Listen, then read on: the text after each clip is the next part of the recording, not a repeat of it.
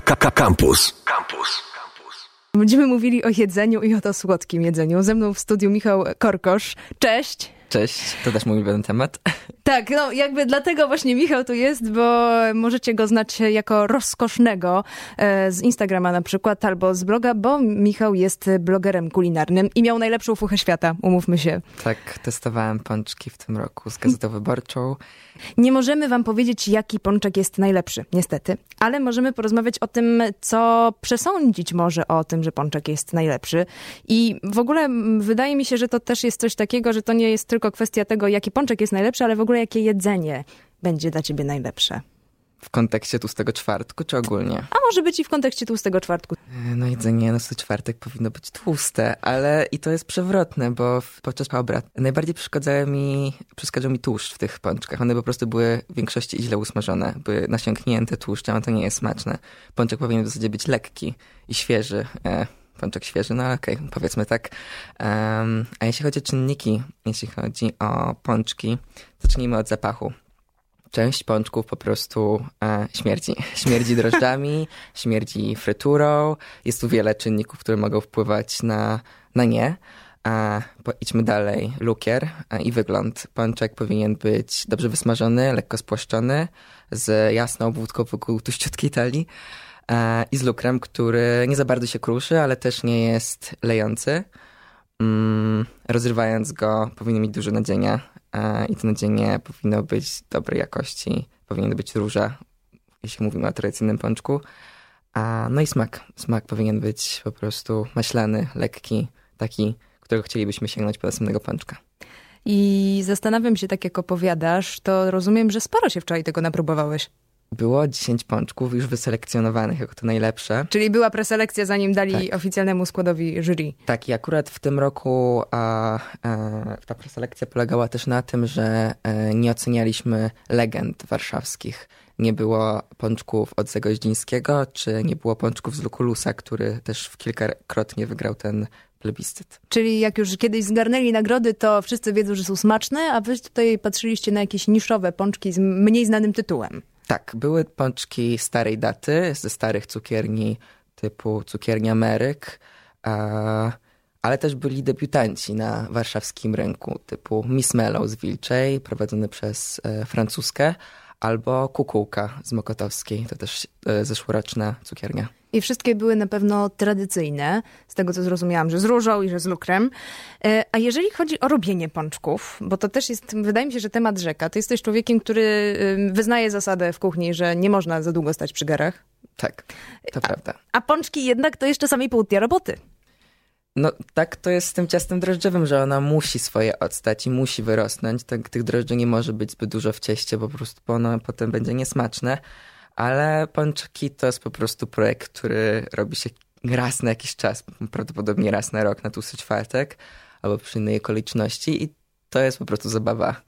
E, I ja się przy tym bardzo dobrze bawię i bawię, mówiąc szczerze, ja wolę robić pączki niż je kupować gdzieś na mieście po prostu lubię je smażyć i lubię je nam nadzie nadziewać tym nadzieniem i wszystkich częstować i wszyscy zawsze się podniecają i rozkoszują tymi pączkami, bo one są cieplutkie, delikatne i po prostu najlepsze. Jest cała impreza przy pączkach przy tak, okazji tak, tak. we czwartek.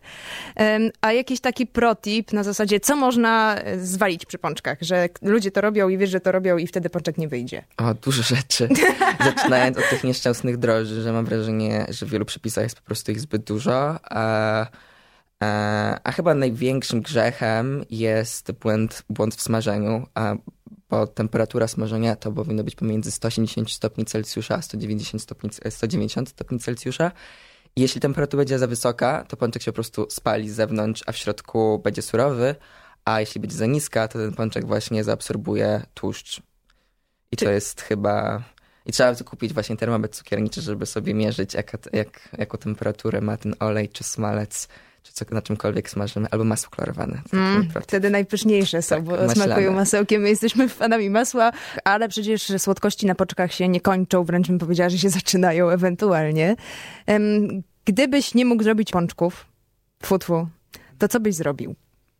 No w tym momencie mam niesamowitą fazę na sernik baskijski. To jest mój największy hit z bloga w tym momencie. Jest to sernik e, w zasadzie spalony, nazywa się nawet antysernikiem i jego skórka jest bardzo mocno skarmelizowana. Ja wolę używać tego słowa niż spalony. E, a w środku, Brzmi bardziej elegancko. A w środku jest niesamowicie kremowy, wręcz taki nieścięty do końca. Jest jak taki camembert trochę, z, tak, z takiej konsystencji. Czyli wrzuca się pewnie w bardzo gorący piekarnik. Tak, bardzo gorący piekarnik, 220 stopni Celsjusza albo więcej jak to woli. E, czym w zasadzie wyższa temperatura, tym lepiej, żeby on piekł się naprawdę krótko. Też w tym cieście, tej masie nie ma żadnej mąki, jest tylko sporo jajek, a, które muszą być świeże. Mm, no i ta konsystencja po prostu jest uzależniająca. E, jeżeli e, nie obserwujecie jeszcze rozkosznego, to możecie wskoczyć e, na Instagram. Tam są filki, filmiki, kiedy ludzie nagrywają swoje serniki baskijskie. One się tak pięknie trzęsą do tak. tego wszystkiego. Trzęsą się jak pupa. To jeżeli chodzi o sernik, ale gdybyś miał wymienić jakieś takie swoje złote zasady w kuchni, to co by to było? Oj, to jest bardzo trudne pytanie. Ja zacznę, zacznę od tego, że ja bardzo lubię jeść i bardzo lubię gotować, ale nie lubię się męczyć. Więc te moje gotowanie idzie na skróty, jak tylko się da i jeśli mogę użyć jednego garnka, to używam jednego garnka, a nie sześciu. Um, a drugą moją najważniejszą zasadą to jest maksymalizacja smaku. Ja nie lubię fit rzeczy, nie lubię jogurtów 0% tłuszczu, unikania glutenu, e, więc u mnie jest sporo masła, jeśli tego trzeba e, i dużo smaku.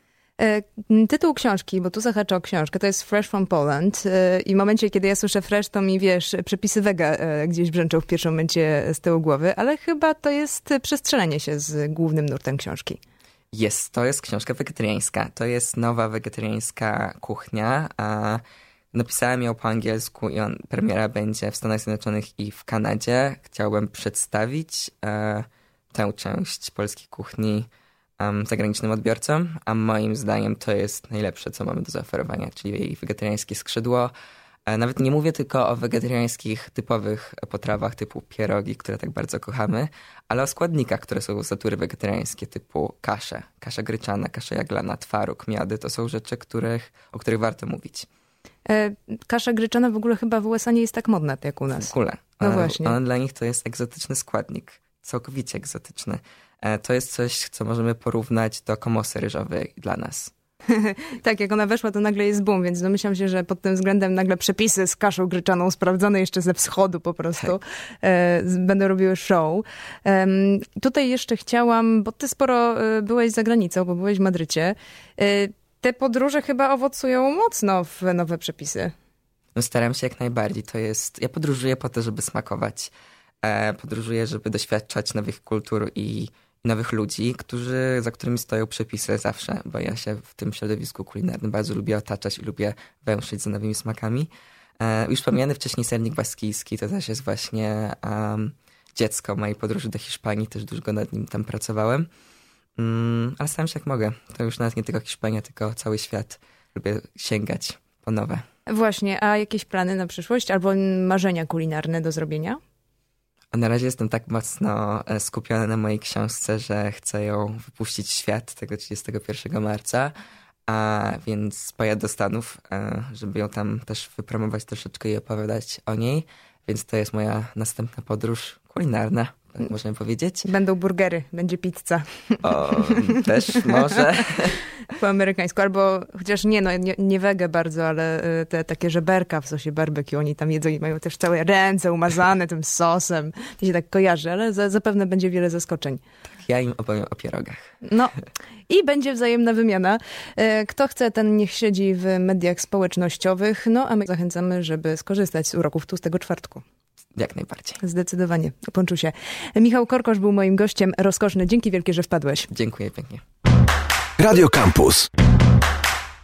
97 i 1 FM